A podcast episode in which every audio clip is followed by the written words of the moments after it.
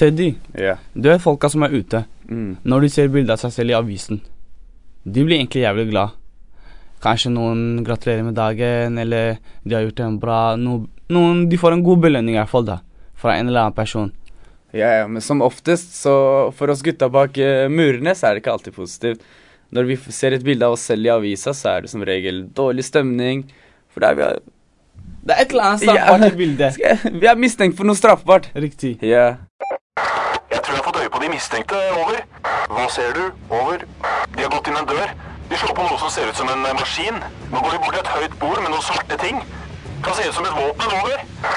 Ja, vent. Får videre instruks. Over. Nei, vent! Det kommer på en rød lampe. Over. Røverradioen. Norsk fengselsradio. Mitt navn er Teddy, og jeg er i Eidsberg fengsel. Og foran meg her så er jeg med Nasri. Ja. Og i dag skal det handle om noe for oss bak murene har et anstrengt forhold til. Og det er media. Riktig. Ja, vi skal forsøke å bli litt klokere på medias rolle i straffesaker. Noe Ja. som jeg syns er veldig viktig, egentlig. Ja, for journalisters valg kan bidra til justismord, Riktig. men de kan også motvirke justismord. Hvordan da? Justismord? Ja, at du blir, at du blir dømt når du er uskyldig. Eller Ja, som meg, liksom. Som meg. Jeg kan si bedre sagt enn meg. Hva, hva er deg forskjell fra meg? Jeg bare tuller med det. Men hør. Vi skal høre fra advokaten til mannen som er mest omtalt av alle straffesaker som er pågående her i Norge nå. Nemlig advokaten til drapssiktede Tom Hagen, Svein Holden. Svein Holden, det var jo han som var aktor på øh, 22. juli-saken. Ja, det stemmer. Men eh, nå er han forsvarsadvokat, da. Han er det? Ja. Jeg tror det, jeg tror det lønner seg for han. Men vi skal ikke bare høre om Svein Holden. For i dag så skal vi også få et internettbesøk. VGs Tora Bakke Håndlykken skal titte innom via Teams. Jepp. Og vi lurer ofte på hva VG tenker når de skriver sakene sine. Ikke sant? Så det kommer til å bli interessant å høre hva slags redaksjonelle vurderinger VG legger til grunn når de legger ut ting.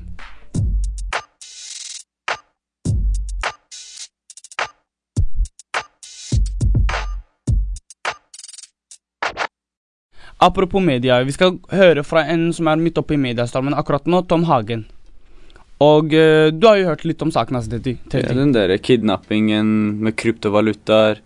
Nede i Lørenskog, Ja, ja, 2018-høsten. 2018. Nå er ektemannen sikta for drap. Såpass, ja. Og eh, gutta nede i Oslo fengsel ville virkelig stille han et par spørsmål. Og da snakker jeg om advokaten hans. Ja, ja, Svein. Svein Holden. Riktig, advokaten hans. Ja, men pga. koronarestriksjonene så hadde ikke han mulighet til å komme i fengsel. Riktig. det er jo ingen får lov å komme inn og gå ut og sånn. Men eh, den fikk en eh, ansatt fra Røverradio, Du har skrevet ned alle spørsmålene, håper jeg? Ja, ja, jeg skrev ned alle spørsmålene de, hadde, de gutta fra Oslo hadde. Og så dro og møtte på Svein Holden og stilte han de. Så Ja. kunne han eh, fortelle om uh, medias Dekning. Ja, han er sin klient. Ja, ja.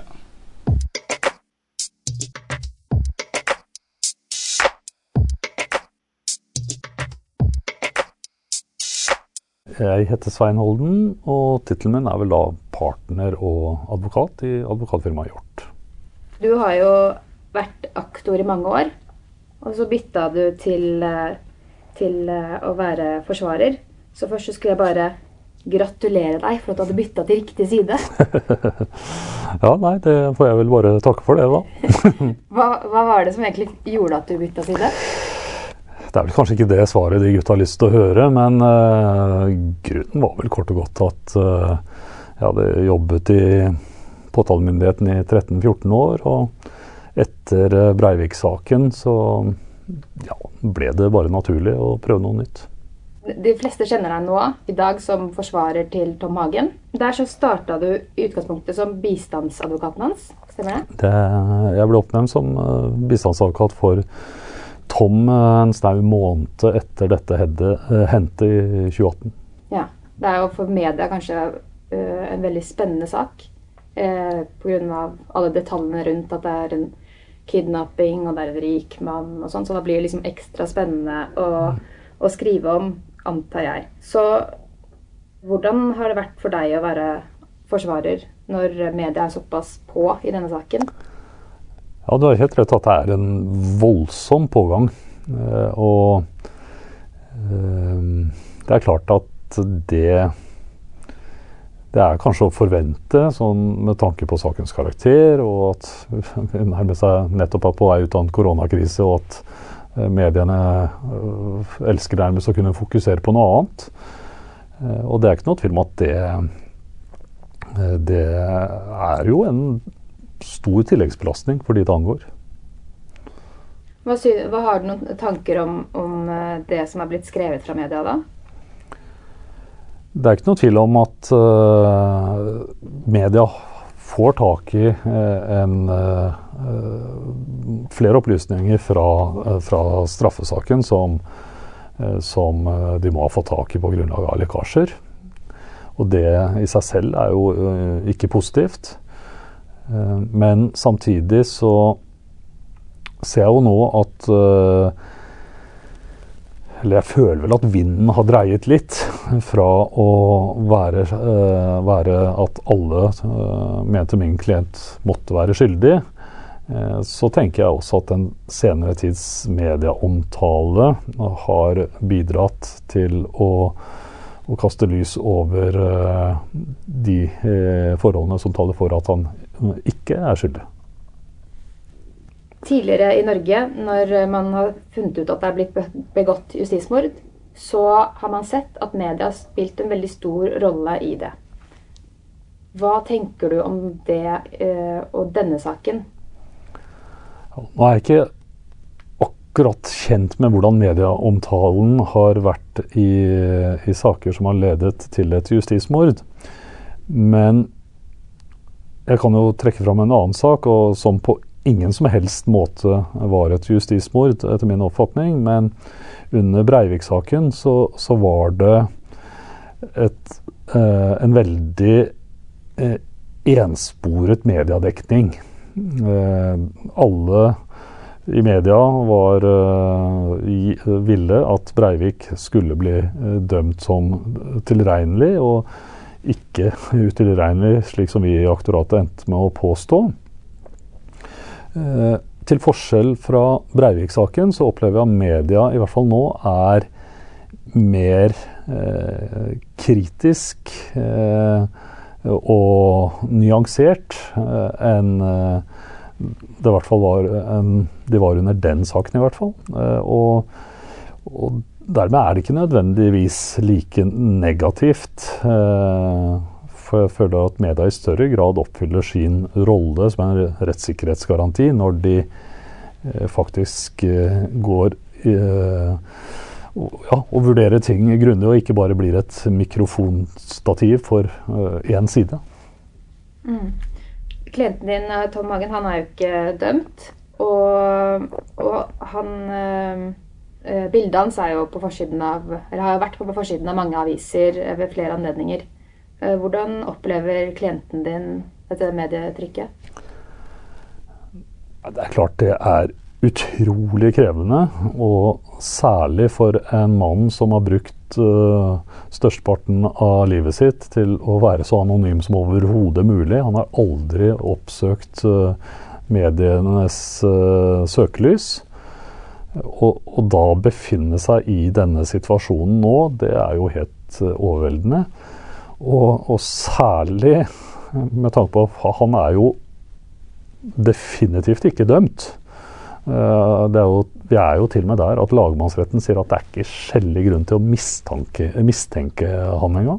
Men likevel så blir han da uh, klistra opp på forside uh, av alle aviser dag etter dag. Det var jo akkurat da For han var satt i varetekt i Oslo fengsel. Kan ikke du forklare hva som skjedde? Jo, eh, vi var jo eh, Nedre Ringerike Nedre Romerike tingrett, eh, hvor han ble fengslet. Og det var ikke noe tvil om at dette måtte vi anke. Og da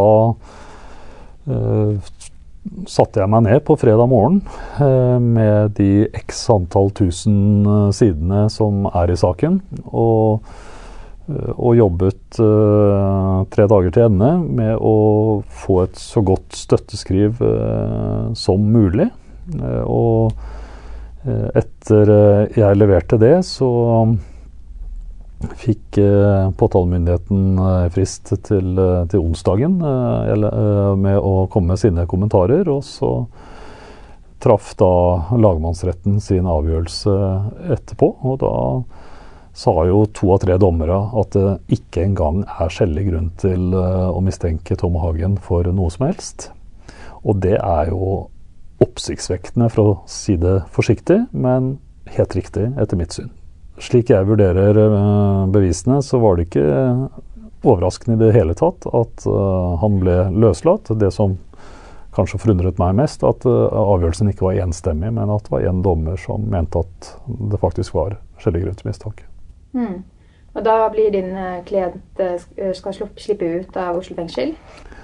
Ja, eh, så var det jo slik at uh, påtalemyndigheten ga seg ikke. De forsøkte seg på en anke til Høyesterett, uh, som har en svært begrenset kompetanse i slike spørsmål. De kan kun prøve lagmannsrettens eh, saksbehandling og lovanvendelse. Eh, så vi var, eh, vi var ikke i tvil om at den anken ikke kom til å føre frem. Og når det var på plass, så, så ble han løslatt. Og da eh, var eh, Medie-Norge på plass utenfor Oslo fengsel. Eh, jeg var selv i området og så at, at de sto i timevis eh, og, og ventet på at klienten din skulle slippe ut. Jeg tror det er cirka kanskje sånn 30, 30 mennesker kanskje som sto utenfor Oslo fengsel. Og, og da ser jeg i ettertid at VG har valgt å, å ta et bilde av din klient over fengselsmuren. Sånn at de får bilde av ham. For, fordi han kommer ut av fengsel, blir han satt i bil, og så skal han bli kjørt derfra. Og jeg snakka med fengselet, som sier at uh, det er ulovlig. Hva tenker du om det VG har gjort? Nei, det er all grunn til å være betenkt. Uh, og, og nærmest utnytte en situasjon eh, som er usedvanlig vanskelig for den det angikk. Eh, og, og grunnen til at han går ut den døren der, er jo nettopp fordi eh, lagmannsretten mener at det er ikke grunn til å tro at han har noe med dette å gjøre i det hele tatt. Og, og da bruke et bilde av han i en slik situasjon for å selge aviser eller eh, annonser på nett eller hva det måtte være. Eh, det er all mulig grunn til å stille spørsmål eh, ved om det er slik vi ønsker å ha det. Syns du at VG har gått for langt? Jeg er ikke veldig familiær med de presseetiske reglene, så, så jeg kan ikke sånn på stående fot felle, felle en dom over VGs handlinger, men, men at eh, det gjør meg betenkt, og at jeg syns det er trist at man eh, utnytter et eh, slikt øyeblikk i et annet menneskes liv for kommersielle formål. Det, det er det ingen tvil om.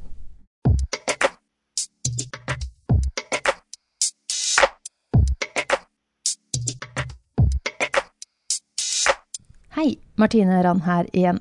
Før vi går videre i sendinga, så vil jeg komme med en rettelse. I intervjuet med Svein Holden så sier jeg at det er ulovlig å ta bilde over fengselsmuren. Det medfører ikke riktighet. Ifølge sikkerhetsinspektør i kriminalomsorgen, Levi Tyriberget, finnes det per i dag kun lov mot å ta bilde fra fly eller drone inn i et fengsel. Men å avbilde noen i et fengsel kan være brudd på god presseskikk. Per Kjetil Andersen, personvernsombud i kriminalomsorgen, sier at innsatte generelt, og især varetektsinnsatte, befinner seg i en svært sårbar situasjon. Og at det å bli tatt bilde av i fengsel uten samtykke kan være en krenkelse av deres rettigheter.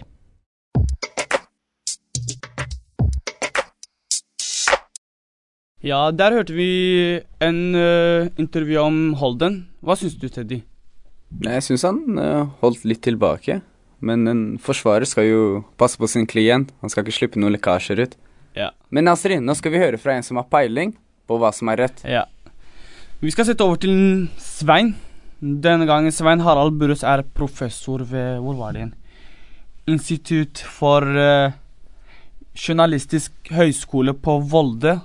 Volda. Ja. Og vi Ja. skal høre av mange av oss Institutt for journalistisk høyskole på Volda. For hva er egentlig Hva skal jeg si, hva er egentlig den riktige etiske offersen til media når det gjelder kriminalsaker? Ja, det er jo særlig to ting da som er understreket sterkt i Vær varsom-plakaten i forbindelse med kriminalsaker. Det ene er forhåndsdom, det andre er dette spørsmålet om identifisering. Altså For det første skal en for enhver pris unngå forhåndsdom. Og for det andre skal en vurdere, skal en som hovedregel da ikke identifisere vedkommende. Det kan tenkes unntak, men det er hovedregelen. Men hva kan være grunnlaget for identifisering? Når det gjelder eh, identifisering, så forekommer det eh, i de mest alvorlige voldssakene og i de mest alvorlige økokrimsakene. Det skjer òg når, eh, når eh, offentlige personer er involvert i saken. Eh, en kan få inntrykk av av mediene i dag at, at det er nær sagt vanlig å identifisere, men det er det slett ikke. I de aller fleste sakene, mindre saker som blir referert fra domstolene rundt i landet, så er anonymisering hovedregelen. Så å identifisere det er unntak i spesielle saker. Kan mediene bryte lover og regler når de tar bilder? Bildebruk i straffesaker er knytta sterkt opp til dette med identifisering. Du bruker jo veldig sjelden bilder uten at du òg bruker navn. Så dette her er en, en, en felles problemstilling, bruke navn og bilde. Eh, Men så vet vi òg at, eh, at eh, bildet forsterker i en del tilfeller belastningen for den som blir omtalt og, og eksponert. Og Derfor så, så burde kanskje mediene oftere eh, droppe bildet, altså, sant? der de vurderer det som riktig å publisere navn. Der er et berettiget behov hos publikum for å vite navnet. Så er ikke det sikkert det er behov for bilde. Eh, det forsterker den personlige belastningen. Det kan òg forsterke belastningen for eh, pårørende for den som blir omtalt. Hva sier hovedregelen om bildebruk i straffesaker? Nei, altså det er de samme reglene som gjelder der som i, i andre tilfeller. altså. sant? En ting er nå eh, snikfotografering, der du ikke skal, skal fotografere inn på, på områder der det er eh, regler imot det.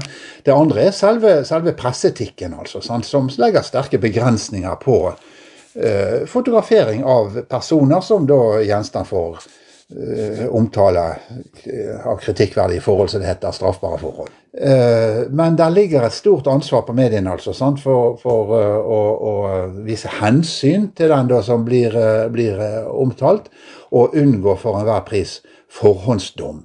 Det betyr jo at en ikke skal konstatere skyld før det falt dom i saken. Ja. Dette var klar tale fra professor ved Institutt ved Journalistisk høgskole på Volda. Ja, Du blir bare bedre og bedre til å uttale det nå. Ja, men eh, han heter i hvert fall Svein Harald Brurås.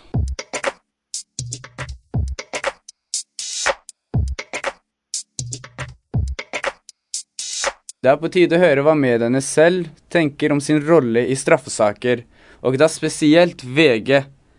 Siden vi har snakka mye om dem i dag, så kom du ned, Mario. Det er korrekt. Jeg kom løpende ned med en gang jeg hørte det. Ja, du har, har Hvorfor det, Mario? Jeg har hatt mye dårlig erfaring med dem. Da. Du vet, De har skrevet mye om meg, og jeg føler jo at ikke alt har vært korrekt, så Perfekt at du fikk Mm. komme, så kan du si din del av saken også. Riktig, riktig. side. det gleder jeg meg til. Ok, så nå har vi fått en gjest inn på studiet vårt via internett. Da vil jeg bare si velkommen, nyhetsredaktør i VG, Tora Bakken eh, Håndlykken. Velkommen. Hvordan føles det å snakke med oss røvere over internett? Det føles jo veldig godt ut. Jeg regner med at dere har mange vanskelige og gode spørsmål. Ja. Ja. Men da kan vi bare starte, da. Da vil jeg starte med første spørsmål. Hvorfor er det så viktig at media dekker eh, straffesaker? Straffesaker er jo eh, de alvorlige straffesakene, sånn som eh, drapssaker, eh, alvorlige narkotikasaker og sånt noe. Det er jo ikke private ting. Det er jo ting som det er viktig at eh, offentligheten og folk flest eh, får informasjon om. Mm. Eh, så det er jo både fordi at vi skal opplyse eh, om sakene, men også fordi at vi skal eh, være kritiske. Hva gjør dere for å vite at den informasjonen dere får, er på en måte ekte eller sann? Mm, Hva Det er jo kjempeviktig. ikke sant? Yeah. For at folk kan jo både ha, et, ha en agenda for å gi oss informasjon, Har lyst til å no, Noen kan jo til og med prøve å lure oss. Ja, feilinformere dere eventuelt for å sende dere på villspor eller ha sin Ja, del ja. av saken. Men uh, Så vi jobber jo alltid med og det, så det er jo en sånn hovedregel at vi, altså all informasjon vi skriver skal vi jo få, ha fått bekrefta. Og vite helt 100% sikkert at det er, er sant. Eh, Ok. Og da, det vi gjør da, at vi snakker jo med mange. Eh, Mhm. og vi jobber jo ikke bare med å snakke med folk, vi jobber jo også etter å få eh, skriftlig dokumentasjon. Det kan jo være bilder også som kan eh, bidra til det. Så det er jo masse informasjon som vi samler sammen eh, før det blir til en sak, da. OK, ja, ja. Og eh, jeg lurer på hva slags vurdering gjør dere før dere publiserer bilder av en som er mistenkt eller siktet i en straffesak som ikke er dømt? Mm. Nei, det er jo noe av det vanskeligste vi gjør. da. Eh, og i de aller, aller fleste saker eh, så publiserer vi jo ikke eh, navn og bilde. Eh, hvis noen er altså mistenkt, så gjør vi det ikke. Mm. Sikta er det jo ganske sjeldent at vi gjør det. Eh, mens i de mest alvorlige sakene så er det jo ofte sånn at vi publiserer navn og bilde ved dom, eller noen ganger ved tiltale. Men det er jo, vans det er jo noen av de vanskeligste vurderingene vi faktisk gjør, da, eh, er jo akkurat det. Eh, og da, kan vi jo, da, da veier vi ikke sant, hensynet opp til den personen som vi, som vi omtaler, Mm. eh, og opp mot det vi kaller som er liksom, den offentlige interessen eh, i saken. Da. Eh, og det er jo rett og slett at, eh, at det kan være viktig eh, for folk å, å få den informasjonen også om hvem det er som er, som er tiltalt eller dømt, eller da i noen tilfeller sikta i en sak. Men uh, hvorfor er det så viktig for folk å vite hvordan uh, forbryterne ser ut? Nei, det, kan jo, det er ikke nødvendigvis det at de skal, hvordan de ser ut, men bilder er jo også dokumentasjon på samme måte som, som, eh, som tekst er det, på sett og vis. Eh, og, eh, og det som gjør at vi eh, publiserer informasjon om navnet, det er jo fordi at vi, fordi at vi mener at det ligger viktig informasjon i det. Eh, I noen saker så handler jo det om f.eks. hva slags eh, rolle vedkommende har. Det kan jo hende at, eh, at personen er straffedømt mange ganger tidligere. Og så er det også sånn at de mest alvorlige sakene, da, eh, som Mm. er de der vi ofte bruker navn og bilde, eh, så er jo ikke det en privatsak heller. ikke sant? Eh, det å eh, begå alvorlig kriminalitet, det er jo Da mener man det at samfunnet faktisk har en slags rett da, på å få vite hvem som står bak den type alvorlige handlinger. Ja, for Problemet der kan jo være i fremtiden, hvis eh, vedkommende da skal la oss si, skaffe seg jobb eller eh, komme seg videre i livet. da. Når allerede navn og bilde er publisert, så kan jo det være veldig vanskelig for den personen. Så det kan Mm. jo ødelegge mye mer enn bare det å fortelle folket, hvis du skjønner hva jeg mener. Hva ja, og det skjønner vi jo, det er jo liksom en del av den vurderinga vi tar. Og som jeg sier, i de aller, aller fleste eh, saker, når dere leser en sak på VG eller i andre medier, eh, så er det jo de, de fleste krimsaker skrives jo uten navn. Eh, og så er det i de, helt, i sånn, de spesielle tilfellene, som kan være eh, f.eks. drapssaker, alvorlige narkotikasaker f.eks., eh, så, så mener vi at det er at det hensynet til den personen som har eh, gjort noe gærent, da, eh, at, det, eh, at, eh, at vi mener at det er viktigere at vi gir informasjon ut, enn eh, hensynet til den som har begått den handlingen. Ja, Mario, hadde du spørsmål? Ja, forresten, tilbake til det spørsmålet med om dere dekker saker på riktig måte. Mm. Jeg har jo av eh, erfaring opplevd at uh, min sak da, for en stund siden, den ble på en måte dekket ikke på riktig, men litt sånn rotete måte, da. Um, hoppet fram og tilbake til eh, Hva heter det igjen? Overskrifter. Det var forskjellige konklusjoner om hva og hvorfor det hadde skjedd. Og det var liksom Det virka som at det var eh, Hva skal jeg si? Alle var usikre, men fremdeles var de sikre, så de valgte å skrive og publisere det. Så det er liksom sånn der, eh, veldig rotete, da. Ja. Det er jo veldig interessant å høre, da. Altså, det, det vi gjør, er jo ikke sant, eh, Vi mener jo ikke noe om en sak. Mm. Eh, Verken din sak eller noen andre. Vi prøver jo bare å snakke med folk ikke sant? og få mest mulig informasjon om det. Eh, Sånn at I en sånn type tilfelle så vil jo vi ofte ringe politiet, eh, og så vil jo de eh, komme med sine uttalelser. Eh, og så kanskje vi snakker med noen eh, andre som var involvert i saken. Snakker med en advokat osv. Så, videre. så vi har jo ikke noen mening eh, verken om din sak eller noen saker vi egentlig skriver om. Målet vårt er jo bare å få eh, belyst saker på en så riktig og presis eh, måte som mulig. Eh, og så, er det jo, så kjenner jo du sikkert din sak mye bedre også enn det vi gjør. ikke sant? For at vi får jo, vi får jo bare den informasjonen vi får. Ja. Så at det kan være at det, eh, enten hvis vi bare har fått snakka med den ene sida, som er politiet, det er jo ofte den situasjonen vi står i. Politiet er tilgjengelig, de forteller om sitt syn på saken. Eh, og så får vi jo egentlig ikke liksom, det, den andre sida, da. Eh, så det prøver vi. Vi prøver å ringe advokat og si OK, eh, men hva har, hva har, hva har han sikta forklart i avhør? Ikke sant? Og så er vi jo avhengig av at advokaten har lyst til å si noe. Ofte sier han jo at nei, det vil vi ikke kommentere. Mm. Og det er synd, ikke sant? for det kan jo være viktige eh, ting som har kommet fram gjennom eh, en forklaring, eller som eh, perspektiver da, som burde være med inn i saken. Eh, men, eh, men i et sånt tilfelle, og nå aner ikke jeg eh, noe rundt din situasjon, eh, men så går det også an å ta kontakt med en journalist. ikke sant? Du kan også ta kontakt med en journalist og si det at jeg har noen opplysninger til deg, kan jeg, kan jeg få lov å gi deg de? Eh, og, det, og man skal ikke være så redd for å snakke med journalister, for vi, vi vil jo høre på alle. Og det er ikke sånn at heller hvis man ringer, eh, så skal man bli intervjua. Man kan også ringe for å gi opplysninger og si at eh, jeg ville bare si dette, men jeg har ikke lyst til å eh, ha navnet mitt på trykk. Jeg har ikke lyst til å bli intervjua i saken, men jeg ville bare si fra at her har dere, har dere fått feil opplysninger, eller her har jeg annen informasjon, da. Ja, for i hvert fall sånn jeg oppfatta det, så var det liksom sånn viktigere å få publisert liksom eh, artikkelen, da, eller hva skal jeg si, eller om hendelsen, enn istedenfor å ha riktig informasjon. Ja, og det skal det jo ikke være. Altså, vi er jo ofte sånn at vi, eh, vi driver jo med nyheter, ikke sant. Sånn at vi vil jo eh, ha ut informasjon eh, fort også. Mm. Eh, så det kan jo være en litt sånn, eh, sånn balansegang, ikke sant. Skal du publisere, eller skal du, eh, skal du trykke en sak eh, tidlig når du kanskje bare har litt informasjon, eller, eller hvor, hvor lenge skal du vente da for at du får hele bildet? Ja, Eh, fordi- Men jeg liker jo ikke når du sier at du, at, eh, at du syns saken ikke er bra framstilt. Og så kan det jo allikevel være sånn at f.eks. Eh, vil jo ofte en mistenkt eller en sikta og politiet ha to ulike versjoner da, av hva man mener har skjedd. ikke sant? Eh, så men vi vil jo helst da få fram begge de versjonene.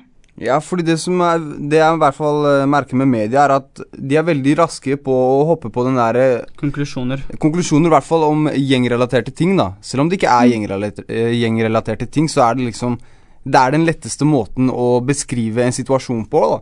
Og det er liksom Ja, det, er- det virker litt sånn Ikke alltid som om eh, informasjon har så mye å si, men det er bare å Du kaster på gjengrelatert, og så har, du, har vi en overskrift. Mm. Men, tro, men er det ofte da sånn at politiet ikke sant? Det, det vi bør gjøre, er at vi bør si liksom hvor informasjonen kommer fra. Mm. Sånn at Hvis vi f.eks. sier at det er gjengrelatert, eh, så er jo ikke det en me vi, vi skal jo ikke mene noe om det er gjengrelatert eller ikke. Det må jo i tilfelle være da politiet har sagt det. Ja, Så fordi sånn- i mitt tilfelle så ble jo bør den det eh, stå at politiet har sagt det, ikke sant? Ifølge politiet, eller sier politiet, eller opplyser politiet. Ja, for i mitt tilfelle så ble jo det endra fort, ikke sant. Det var først gjengrelatert, og så var det plutselig ikke det. Og så det var litt sånn der morsomt at Jeg vet ikke hvor fort det endrer seg, da. Selv om ingen har riktig informasjon om hva som virkelig har kjent, eller hva som har hendt, da. Så ja, Mhm. det er i hvert fall min opplevelse da med det. Ja, det er jo viktig ikke sant, å, å, å høre på de som har stått i sånne situasjoner. For dette, det tror jeg er veldig mye å, å lære av. Og så, som jeg sier, så vil jo vi veldig gjerne snakke med Er, det er alltid mulig å ringe en journalist. Ja. Men apropos det du sier at vi kan også kontakte dere som journalister med å snakke vår side. Eh, jeg tror mye av grunnen for at vi ikke vi gjør det, er at vi tenker jo dere jobber jo på en måte, eller fra vårt synspunkt, da, dere jobber hånd i hånd med politiet. Ikke sant? Politiet kommer med sine uttalelser, lekkasjer, for at der, på en måte dere kan spre de, som hjelper å påvirke eh, hva skal jeg si, synet på befolkningen eller dem som står i retten og sånne ting. Og så er vi veldig redde for at der, ok, jeg for, kommer og forklarer min sak, jeg sier min og min del, men så kommer dere og sier nei, men eh, politiet sa det og det og det, hva sier du om det? Og så blir vi sånn nei, men jeg er ikke her for å diskutere det, jeg skal diskutere det. Og så blir det den derre, ja, ok, jeg hører det du sier, men så kommer det til spørsmålene til politiet igjen. Så jeg tror vi gjør det der for å slippe den på en måte eh, Jeg vet ikke om jeg skal kalle hakkingen, for det vil jeg heller ikke. For det, jeg vil ikke være noe slem eller noen ting, men på en måte vi føler jo det at det, det blir bare en enveiskjørt, et tunnelsyn. Fordi politiet, dere skal jo selvfølgelig høre på dem og sånne ting, men jeg føler også noe av dems eh, på en måte lekkasjer kommer for å eh, få et bedre syn for dem og deres side av saken. Skjønner du? Mm. Eh, Det som er veldig viktig, er at vi er, er jo på ingen måte hånd i hånd med politiet. Nei, nei, nei, det er det jeg mener. Vi føler det. Ikke sant? Ja, det er derfor vi ikke vil heller kontakte dere. Ja. Jeg tror, hvis du hadde spurt politiet om de opplever at vi har hånd igjen, så tror jeg de også syns vi noen ganger eh, hakker og er litt slitsomme. Ja, de gjør det. Så det er på en måte jobben vår. ikke sant? Å Mm. være litt sånn eh, å, å stille spørsmål Mm. eh, til alle. Og vi er kritiske til politiet. Men vi kan jo også i en situasjon så er det jo eh, så, så hvis, eh, hvis, man, hvis vi snakker med hverandre, så vil jo en journalist vil jo stille kritiske spørsmål til, eh, til, til det du sier. Det er på en måte yeah. jobben å prøve å belyse Grave og prøve å svare på ting. Mm. Eh, sånn at, eh, så at, eh, og det kan jo oppleves ubehagelig, tror jeg, for, eh, for alle hvis man er i en vanskelig situasjon. Og, og, vi, og vi gjør det samme med, eh, med politiet eller med en statsminister eller, eller hvem som helst. Da, for at vi skal jo ikke bare akseptere den informasjonen vi får også. Det er på en måte, vi må, vi må prøve å, stille spørsmålstegn. å ettergå det ja. og stille spørsmål og, Mm. eh, og grave videre, da. I intervjuet med Svein Holden forteller han om hvor stor påkjenning det har vært for hans klient. Hva har du å si om det, f.eks.? Det er jo, det skjønner vi jo, at det Mm. er en påkjenning. At det er eh, mye omtale i en sak. Eh, så det er jo en påkjenning for, eh, for en sikta. Eh, Mm. Og ikke minst så er det jo en stor påkjenning for, eh, for, for de pårørende også i, i den type saker. Mm. Eh, og så er jo den avveininga som vi gjør, eh, gjør da, er jo eh, å, å liksom veie det hensynet da, eh, til, eh, til også en sikta eh, i en sak, eh, opp mot det som man eh, sier er liksom offentlig interesse. Det at det er viktig at eh, folk får eh, informasjon eh, i alvorlige saker, sånn som denne Lørenskog-saken er. Mm. Og eh, jeg har et spørsmål. Jeg mener at det er en krenkelse av personvern til varetektsfengslede og ansatte i kriminalomsorgen om å bli tatt bilde av i fengselet. Hva syns du om det?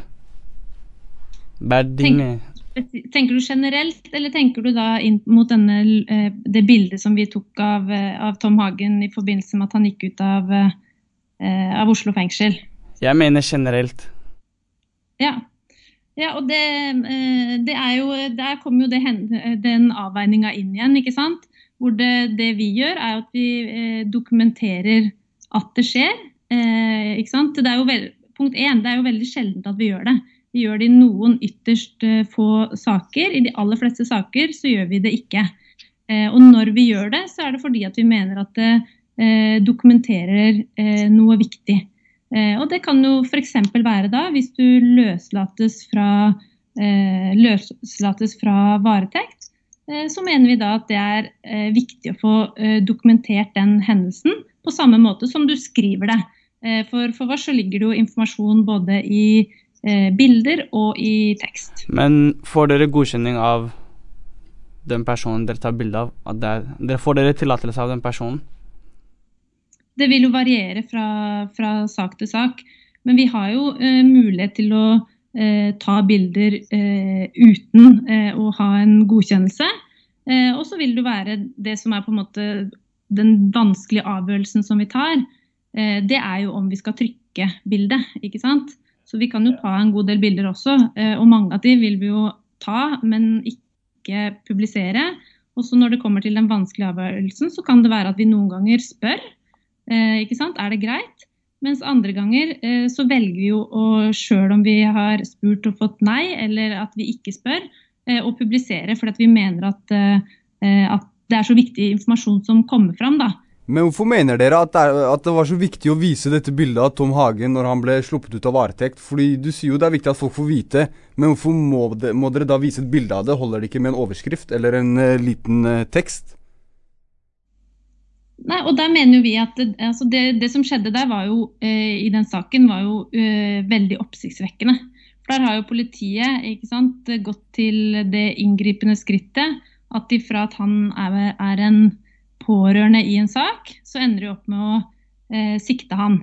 Eh, og så eh, vurderer jo retten det og finner at det ikke er skjellig grunn til eh, mistanke, og så skal jo da han da eh, settes fri. Eh, og det, det, å kunne dokumentere når det skjer, det mener vi er viktig. og det er jo også viktig for hans del. ikke sant? Da går han jo fra et punkt hvor han faktisk sitter i varetekt, til at eh, han pga. rettens vurdering slippes fri. Og Det er jo en, eh, en ganske dramatisk eh, endring da, i den saken, faktisk. så da, som jeg har sagt tidligere også, så mener vi at det å kunne dokumentere ting gjennom bilder er like viktig som å kunne dokumentere det i tekst. Men tror du alle mener at det er like viktig som f.eks. personen på bildet? Nei, det kan nok være ikke sant? at det oppleves som, eh, som en ekstra belastning. Det tror jeg både det at eh, vi, Det vet vi jo, at når du bruker navn eh, og når du bruker bilde, så er det en ekstra belastning. Så det må du jo? Den vurderinga tar du egentlig første gang. Du, første gang du velger å skrive navnet og publisere bildet til, til en sikta eller en tiltalt eller dømt i en sak, så tar du det valget. Og så tar du det valget på nytt hver, i, i, i, det, i, hver enkelt situasjon da, eh, som du publiserer det. For det vet vi jo at det oppleves som, eh, som ekstra vanskelig eh, og, og, krevende og en ekstra belastning. Eh, og så blir det det igjen, ikke sant? så veier du den belastninga som det er for den som står i situasjonen, eh, opp mot hvor, eh, hvor, viktig som du anser den informasjonen som du, som du trykker, da, er. Og det kan være kjempevanskelige eh, avgjørelser. Det er det ikke noe tvil om. Mm. Ja. Ja. Okay. Har dere noen mer spørsmål, gutter? Nei, egentlig ikke. Da tror jeg ikke vi har noe mer spørsmål. Da vil jeg bare si tusen takk. Nyhetsredaktør i VG, Tora Bakken Håndlykken. Takk for at du kom og hadde et intervju med oss, da. Vi er internett.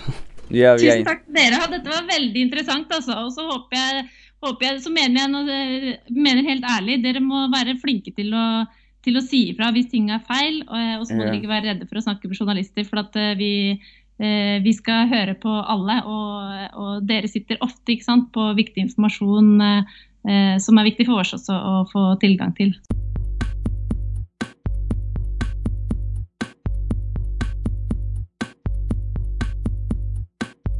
Ja, OK, folkens. Det var alt vi hadde for i dag.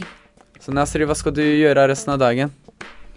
Jeg skal chiller'n på avdelingen, spille kort. Ja. Prøve å komme inn på spillerommet, spille litt Fifa med en kompis. Har dere den i dag? Ja, vi har. det er vår dag i dag. Det er det. Men uh, Nasri, til syvende og sist, hvor kan du høre oss? Du kan høre oss på lørdager P2 klokka halv fire. Hvor du vil, når du vil, på podkast. Ok, ha det bra. Ha en fin dag videre. Ha det bra.